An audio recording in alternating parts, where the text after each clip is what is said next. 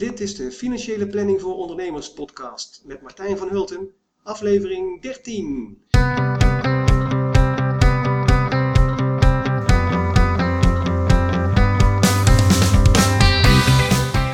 Ben je al jarenlang ondernemer? Net gestart? Of heb je plannen om voor jezelf te beginnen? In deze podcast krijg je allerlei informatie over zaken waar je als ondernemer tegenaan loopt. Ik ben Martijn van Hulten, financieel planner en belastingadviseur en zelf al bijna 15 jaar ondernemer.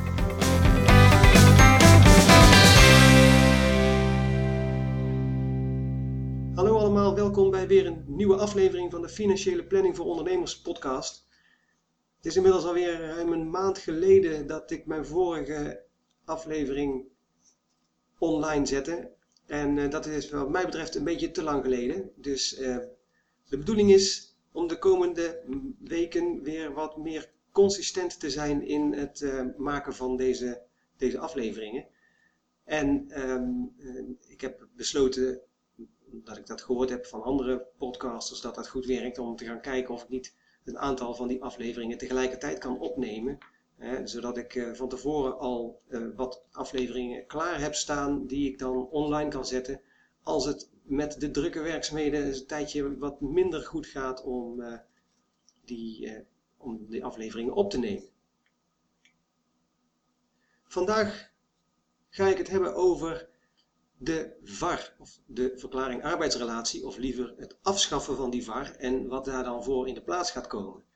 Komende periode zal dat voor, al, voor jou als ondernemer ook een belangrijk uh, ding worden, want uh, alle ondernemers zullen die, uh, alle ondernemers die zichzelf verhuren aan, aan anderen, die zullen daar afspraken over moeten gaan maken. De VAR, de verklaring arbeidsrelatie, die gaf jou in het verleden zekerheid, althans die gaf jouw opdrachtgever zekerheid dat daar geen sprake was van een loondienstverband, zodat ze geen premies en loonbelasting in hoefden te houden. En die verklaring arbeidsrelatie, nou ja, daar, gaat al, daar zijn ze al lang over bezig dat dat niet meer zo optimaal werkte en dat ze daar een alternatief voor wilden. En inmiddels is bekend geworden wat dat alternatief gaat zijn. En dat alternatief, daar ga ik het dus vandaag uitgebreid over hebben. Zoals ik al zei, is dat natuurlijk belangrijk voor jou als ondernemer, zowel als jij zelfstandigen inhuurt, als wanneer je zelf als zelfstandige voor andere opdrachtgevers werkt. Want die opdrachtgevers, als jij zelf opdrachtgever bent, dan wil je zeker weten dat je geen premie of loonheffing in hoeft te houden. Want als je daar achteraf mee geconfronteerd wordt, dan kunnen ze voor uh, maximaal vijf jaar terug kunnen ze jou alsnog aanslagen opleggen en uh, kan het zijn dat je enorme bedragen uh, moet gaan afdragen, inclusief boetes wellicht, dus dat is echt een, uh, een behoorlijk risico.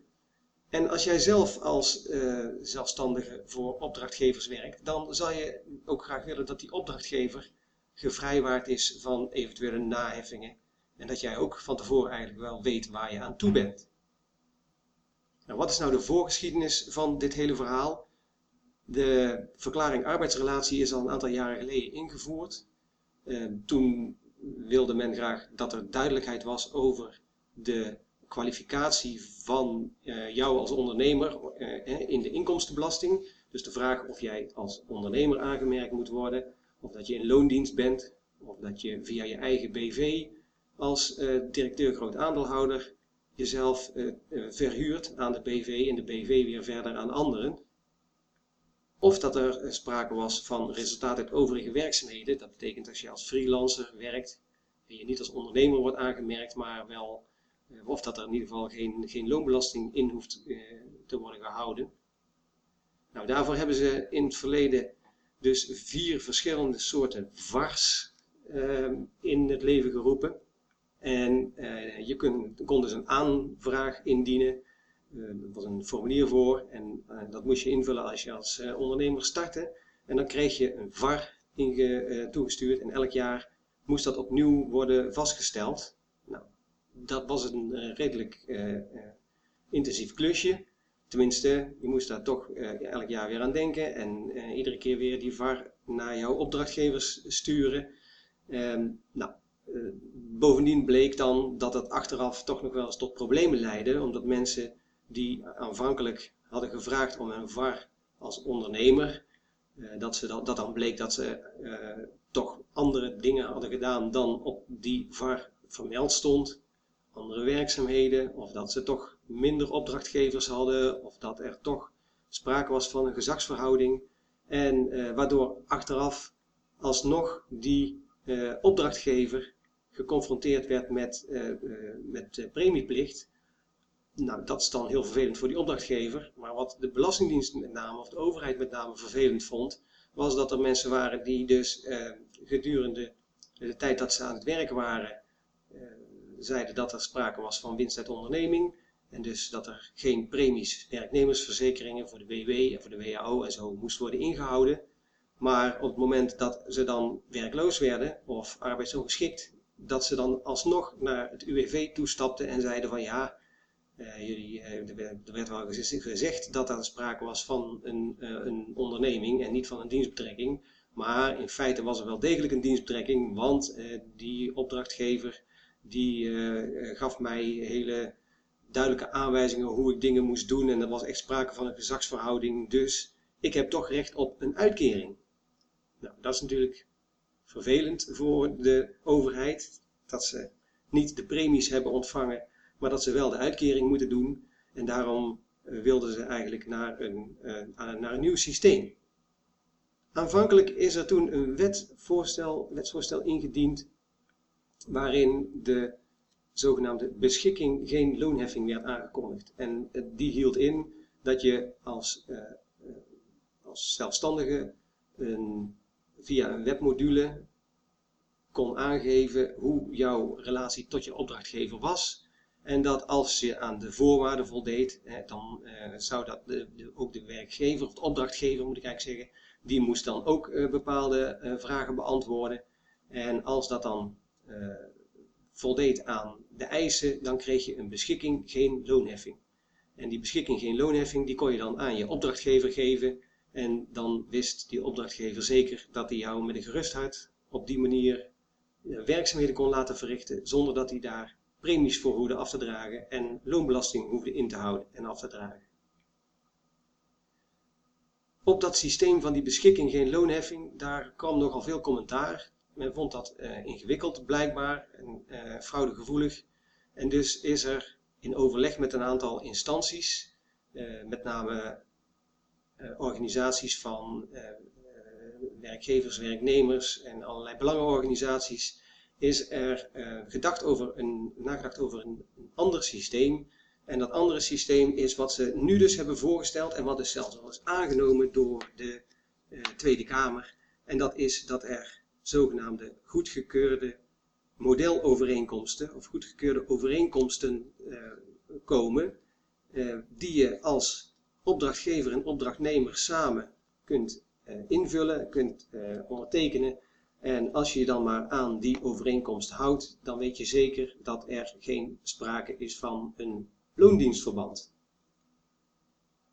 Naast het feit dat, die, dus die, uh, dat, die, dat nieuwe wetsvoorstel is ingediend, is er ook in de afgelopen periode uh, druk nagedacht door allerlei uh, overheidsorganisaties over hoe ze nou verder moeten met die ZZP'ers. Ze hebben wel in de gaten dat er steeds meer ZZP'ers komen steeds meer ondernemers, of eh, steeds meer mensen misschien die eerst in loondienst werkten, die op een gegeven moment zeggen van nou weet je, ik ga wel voor mezelf beginnen en ik ga eh, al dan niet in samenwerking met anderen gaan we, op, eh, gaan we bepaalde klussen aanpakken.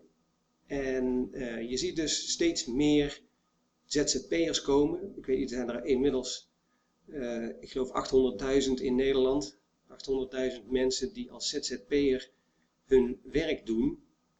En dat is natuurlijk een heel een nieuwe uh, ontwikkeling, waar ze ook vanuit de overheid eigenlijk uh, nog niet goed weten hoe ze daar nou mee moeten dealen. Want je merkt dat mensen die in, uh, als ZZP'er als ZZP'er hun werk doen, dat, dat die vaak toch laag betaald worden, dat die vaak niet verzekerd zijn voor arbeidsongeschiktheid, dat ze eigenlijk te weinig verdienen om ook iets aan hun pensioen te kunnen doen. En uh, dat is eigenlijk iets waar, we nu nog niet zoveel last van hebben, maar in de toekomst zou dat natuurlijk best kunnen, kunnen gaan gebeuren. Dat, dat blijkt dat veel uh, ondernemers in de problemen komen als ze met pensioen gaan of als ze voor die tijd al arbeidsongeschikt worden. Nou, daarom is er een bepaald, of is er een, een beleidsonderzoek gedaan, een zogenaamd interdepartementaal beleidsonderzoek ZZP'ers, waarbij verschillende organisaties samen hebben nagedacht over hoe ze nou in de toekomst zouden willen omgaan met die uh, ZZP'ers. En in uh, april of mei van dit jaar heeft die uh, commissie heeft, zijn werkzaamheden afgerond en heeft verslag uitgebracht aan het kabinet. En het kabinet moet daar nu nog steeds met een reactie op komen. En het is een beetje onduidelijk hoe ze daar nou precies mee om willen gaan. Er zijn er wel wat uh, proefballonnetjes opgelaten of wat, wat zaken uitgelekt. Uh, er zou wellicht sprake zijn van een verplichte arbeidsongeschiktheidsverzekering voor ondernemers, voor ZZP'ers. Uh, nou ja, daar is dan uh, in, in Financieel Dagblad enige een en ander over verschenen en daar is nogal wat discussie over geweest. Want ja, je kunt natuurlijk gewoon niet elke ZZP'er, je kunt niet alle ZZP'ers over één kam scheren. Er zijn ZZP'ers, mensen die gewoon voor zichzelf beginnen, een heel bewuste keuze en die echt als, als ondernemer en ook behoorlijk, behoorlijke omzet en winst maken. En je hebt ook ondernemers die eigenlijk liever helemaal geen ondernemer zijn, maar die meer uit nood geboren, omdat ze nou helemaal geen baan kunnen vinden in de branche waar ze werkzaam in zijn, maar zeg maar voor zichzelf begonnen zijn als een soort van ja, uh, slecht alternatief voor, de loon, uh, voor een loondienstverband, maar die veel liever eigenlijk in loondienst zouden zijn.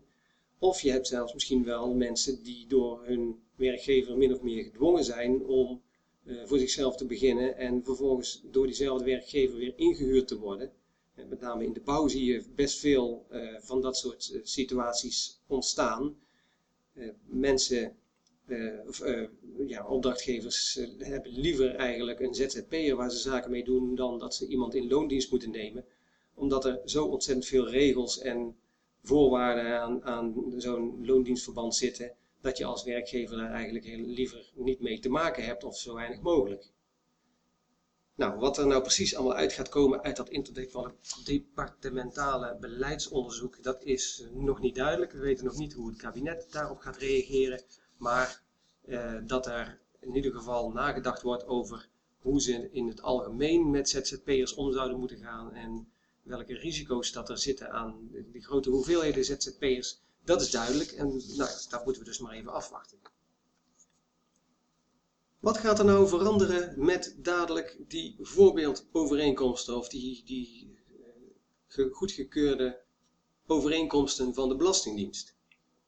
Nou, de Belastingdienst heeft een speciale groep opgericht, een zogenaamd vaktechnisch specialistenteam volgens de staatssecretaris, die voor ondernemers gaan beoordelen of hun uh, een, een, contract wat ze sluiten met een opdrachtgever, of dat voldoet aan de eisen om uh, niet als dienstbetrekking aangemerkt te worden. Dus niet als een arbeidsovereenkomst.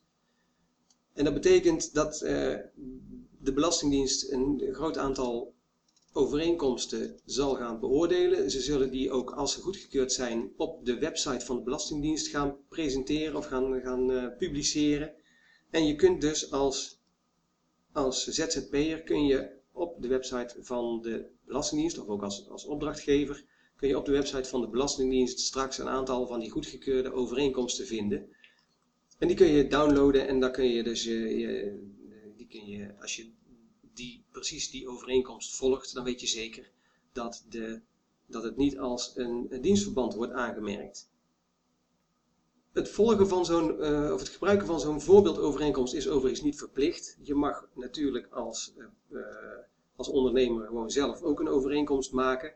Maar als het, geen goedgekeurde overeenkomst is door de Belastingdienst, dan weet je dus niet zeker of dat, dat misschien toch als een arbeidsovereenkomst zal worden aangemerkt.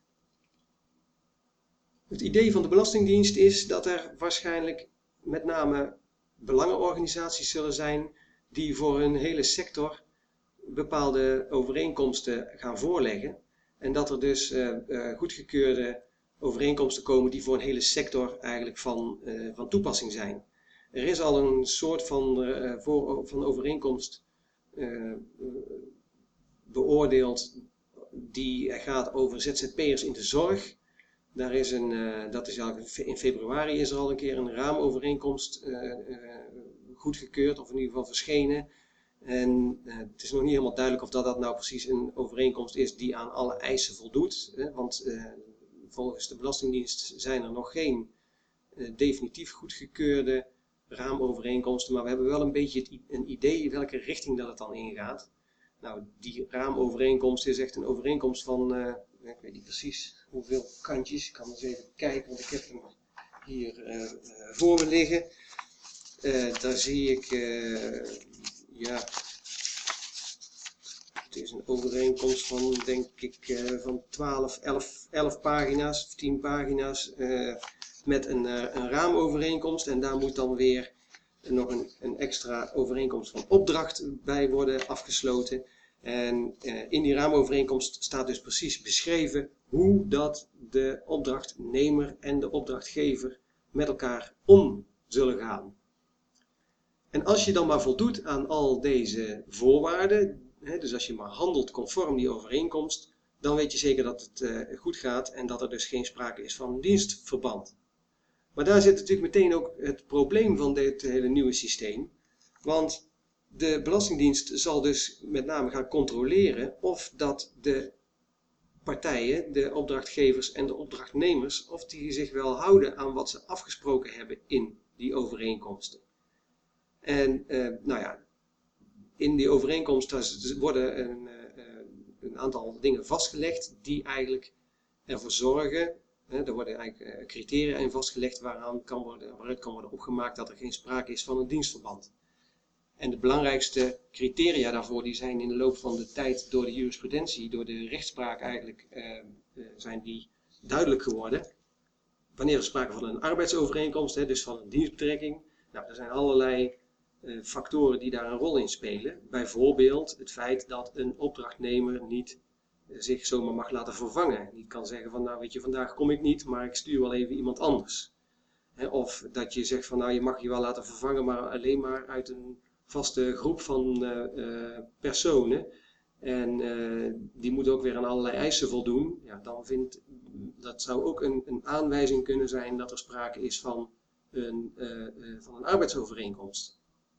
Kan ook zijn of wat ook een belangrijk onderdeel is van de arbeidsovereenkomst, is dat er een verplichting is tot het betalen van loon. En dat je bijvoorbeeld ook doorbetaald krijgt als je een vrije dag hebt. Of dat je doorbetaald krijgt als je ziek wordt. Nou, dat zijn uh, onderdelen die wel gelden bij een arbeidsovereenkomst, maar die in het algemeen niet gelden als je als zelfstandige zo'n klus aanneemt.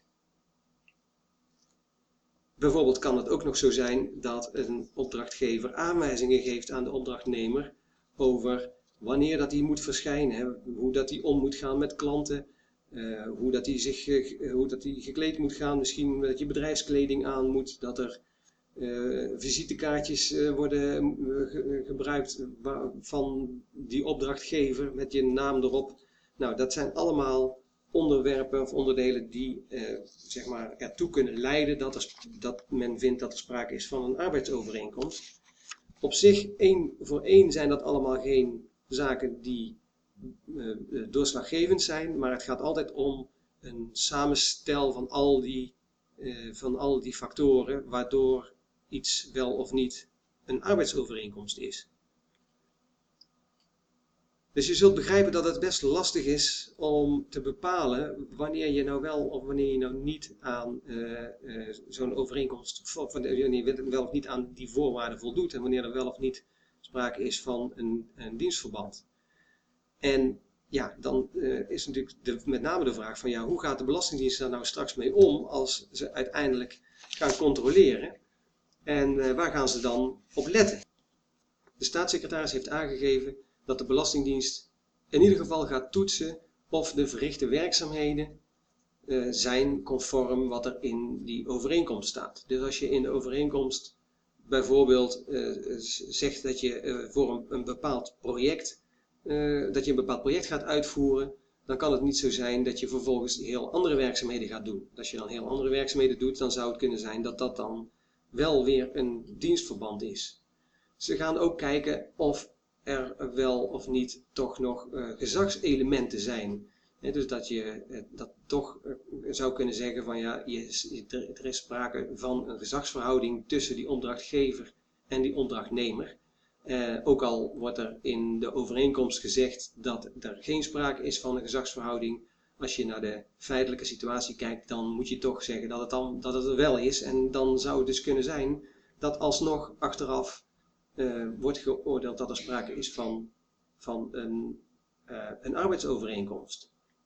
En bijvoorbeeld gaat men ook toetsen, gaat de Belastingdienst toetsen, de realiteit van de mogelijkheid om het werk door een vervanger te laten doen.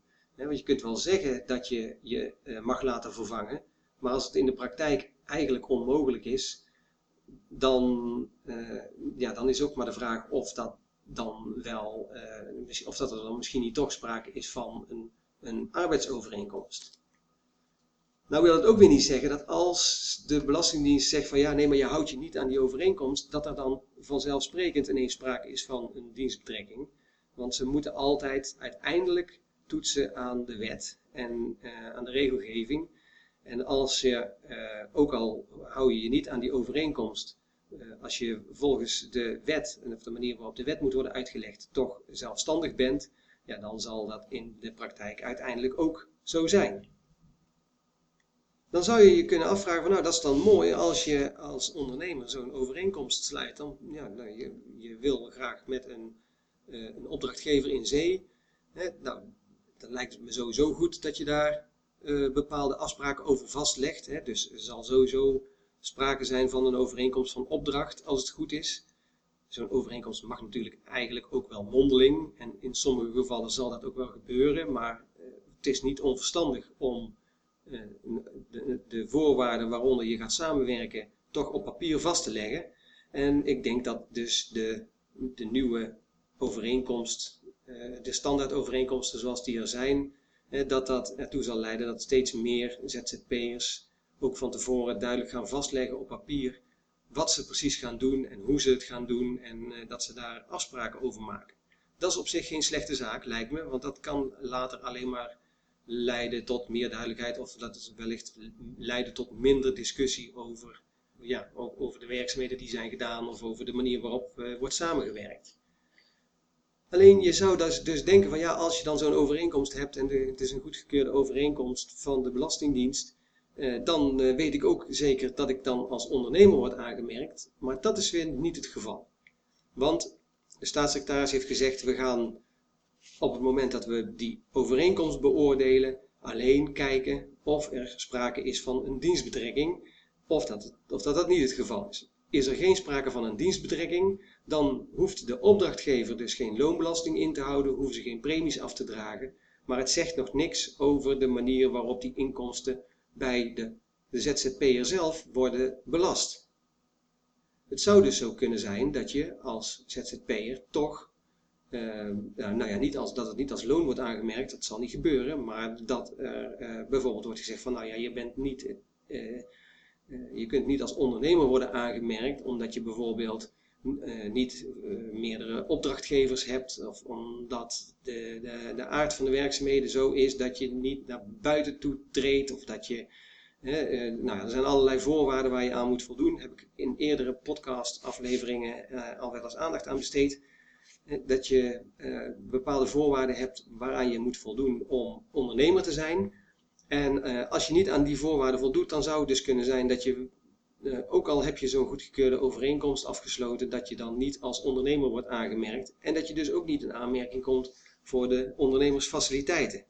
Nou, dat is natuurlijk dan toch wel weer, uh, wel weer erg jammer dat ze dat gedeelte dan niet ook meteen meepakken en ook voor de opdrachtnemer uh, duidelijkheid verschaffen over zijn fiscale situatie. Maar helaas, dat gaat dus niet gebeuren. Maar helaas kun je die zekerheid dus niet krijgen. Wat moet je nou doen als uh, ZZP'er, als ondernemer die ZZP'ers inhuurt? Je moet zorgen dat je voor het einde van het jaar, dus voor 1 januari 2016, dan gaat namelijk die wet in, uh, dat je een uh, overeenkomst hebt gesloten die voldoet aan de eisen van, die de Belastingdienst daaraan stelt. En je kunt dat op verschillende manieren doen. Je kunt natuurlijk wachten totdat in oktober de verschillende goedgekeurde overeenkomsten op de website verschijnen. En op dat moment zo'n uh, overeenkomst van, uh, van het internet halen en samen met je opdrachtgever die ondertekenen. maar je kunt ook zeggen van nou, weet je, ik ga zelf zo'n overeenkomst maken en, of laten maken en ik ga die overeenkomst voorleggen aan, aan de Belastingdienst. De Belastingdienst heeft toegezegd dat ze binnen zes weken een beoordeling zullen doen op, op zo'n overeenkomst. Inmiddels zijn er al een, groot aantal aanvragen binnen, heb ik begrepen. Uh, de eerste overeenkomsten zullen dus binnenkort wel uh, gaan verschijnen op, op internet. Ze hebben gezegd in oktober, maar het zou zomaar kunnen dat het al iets eerder is. En um, je kunt er dus voor kiezen om alleen of om in combinatie met een aantal andere ZZP'ers een, zelf een voorstel daarvoor in te dienen. In principe als de Belastingdienst de goedkeuring geeft voor zo'n overeenkomst, dan is zo'n overeenkomst voor vijf jaar geldig. Behalve als er specifieke situaties zich voordoen waardoor de wetgeving verandert of de jurisprudentie, dus de rechter uitspraken doet, waardoor er aanleiding is om zo'n overeenkomst al eerder te veranderen. Dat uh, zal de Belastingdienst dan aangeven dat je zo'n overeenkomst moet aanpassen en dat zou je dan binnen een redelijke termijn moeten doen. Nou ja, dat is de afwachten, afwachten natuurlijk of dat zoiets snel zal voorkomen. De, verwachting is eigenlijk dat dan de meeste overeenkomsten gewoon in principe vijf jaar geldig zijn en dat je daarna weer opnieuw een uh, overeenkomst moet voorleggen of uh, een nieuwe overeenkomst van internet moet halen en die moet gaan ondertekenen. Het idee is natuurlijk dat op het moment dat nu zo'n opdrachtgever en die opdrachtnemer allebei hun handtekening moeten zetten onder een contract, dat de kans dan groter, groter is dan bij de VAR dat er inderdaad ook conform die overeenkomst wordt gehandeld. Bij de VAR was het zo dat de ZZP'er zelf die aanvraag indiende en die, uh, uh, die kreeg dan zo'n VAR thuisgestuurd en die stelde die ter beschikking aan zijn opdrachtgever. En die opdrachtgever, daar werd dan vaak gewoon in de administratie gestopt, dat ding. En ze keken daar verder niet zo naar om. En als dan achteraf bleek dat de werkzaamheden die gedaan zijn anders zijn dan uh, dan de, de, de, werkzaamheden zoals die op de VAR stonden vermeld, ja, dan had je de poppen aan het dansen. En uh, het idee is natuurlijk dat op het moment dat je een overeenkomst sluit waarin je duidelijk vastlegt wat er gaat gebeuren, wat je gaat doen, welke werkzaamheden de betrekking, de betrekking op heeft, dat dan de kans dat je je vervolgens als opdrachtgever en opdrachtnemer ook aan zo'n overeenkomst houdt, een beetje groter is dan bij zo'n eenzijdige VAR. De tijd zal moeten leren of dat inderdaad ook zo is, maar eh, ja, het zou natuurlijk eh, zomaar kunnen dat dat wel het geval is. Mijn advies zou dus zijn om te wachten in ieder geval totdat de eerste overeenkomsten verschijnen. Dan hebben we een beetje een beeld van uh, hoe dat die overeenkomsten eruit gaan zien, welke elementen dat daar in ieder geval in voorkomen en uh, hoe dat allemaal beschreven is. En vervolgens moet je dan gaan kijken welke overeenkomst het best aansluit bij jouw eigen situatie. En uh, die overeenkomst dus uh, een beetje aanpassen op je eigen situatie en dan uh, voorleggen aan jouw opdrachtgever. Of andersom, als je opdrachtgever bent, zo'n overeenkomst aanpassen aan de situatie en voorleggen aan je opdrachtnemer, aan de ZZP'er. En als dus alle voorwaarden die in die standaardovereenkomst staan, als die ook worden overgenomen en je houdt je daaraan, dan zou dat op die manier moeten werken. Als je nou als opdrachtgever een aantal ZZP'ers hebt die voor jou werken, dan kan het wel eens handig zijn om te zeggen van nou ik ga zelf toch maar zo'n overeenkomst maken en dan heb ik in ieder geval met alle ZZP'ers die ik inhuur dezelfde afspraken en kan er geen onduidelijkheid bestaan uh, omdat in de ene, met de ene opdracht of de ene ZZP'er misschien andere afspraken worden gemaakt dan met de anderen. En dan kan het dus heel wenselijk zijn om één overeenkomst te maken, een soort raamovereenkomst, die je bij al jouw ingehuurde ZZP'ers gaat gebruiken. En om die overeenkomst dan ook specifiek aan de Belastingdienst voor te leggen, zodat je daar zelf de goedkeuring op hebt en dat je zeker weet dat als je aan die overeenkomst houdt, dat het dan ook goed gaat. Mocht je daar nou hulp bij willen hebben bij het voorleggen van zo'n overeenkomst of bij het mee opstellen van zo'n overeenkomst, dan zijn wij natuurlijk heel graag bereid om daarbij te helpen en uh, daar ook mee over na te denken.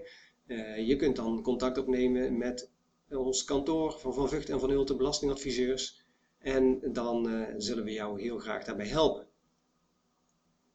Ook als je nog vragen hebt over hoe dit nou precies werkt, bel ons gerust of stuur een mailtje of laat een commentaar achter onder uh, deze uh, podcast in, de, in het commentaargedeelte op de website. Daar kun je je vragen stellen ook en wij zullen op elke vraag in ieder geval reageren. Ten slotte dan nog de tip van de week. De tip van de week is een tip die ik zelf hoorde onlangs en die ik wel heel aardig vond, met name voor mensen die moeite hebben om, uh, zich, uh, of om geen impulsaankopen te gaan doen.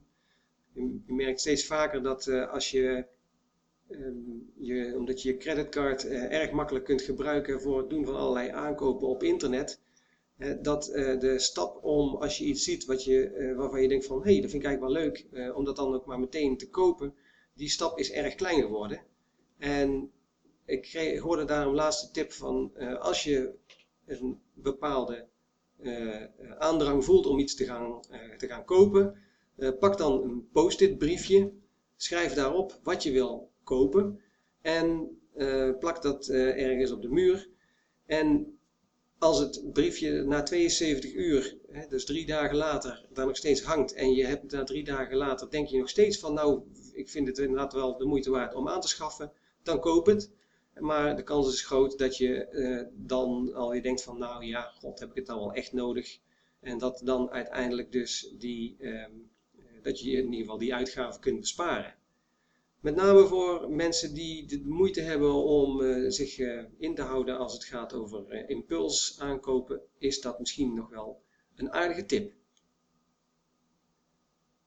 Dat was het voor deze dertiende aflevering alweer van de Financiële Planning voor Ondernemers podcast.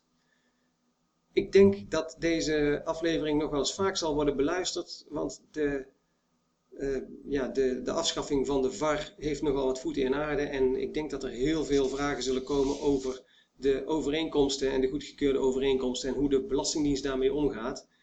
En ik zal proberen om daar uh, ook op onze website je regelmatig van op de hoogte te houden. Als je nou wil dat ik je daarvan op de hoogte hou, dan kun je je ook aanmelden voor onze e-mail nieuwsbrief. Uh, daarvoor uh, kun je naar de website gaan en uh, dan ons, als je naar de podcast aflevering gaat, dan verschijnt er een, een um, pop-up scherm waar je je kunt aanmelden voor onze nieuwsbrief. En via de nieuwsbrief gaan we jullie ook op de hoogte houden van allerlei nieuws en wetenswaardigheden op het gebied van financiële planning voor ondernemers. Dus ik zou je aanraden en willen vragen om je eh, daarvoor vooral aan te melden. Dan eh, blijf je in ieder geval ook op de hoogte van de allerlaatste nieuwtjes. Dankjewel voor het luisteren. Ik zou het op prijs stellen als je daartoe in de gelegenheid bent om een rating achter te laten op iTunes. En uh, om uh, vooral ook commentaar te geven als je als je daar aanleiding toe voelt. Ik lees alle, alle opmerkingen die uh, worden gemaakt en ik ben heel blij met elke, uh, elke reactie. Dus alsjeblieft ga naar, naar iTunes en laat daar een bericht achter. Dan ben ik daar heel blij mee. Dat was het voor deze keer. Ik wens je een fijne dag verder en graag tot de volgende keer.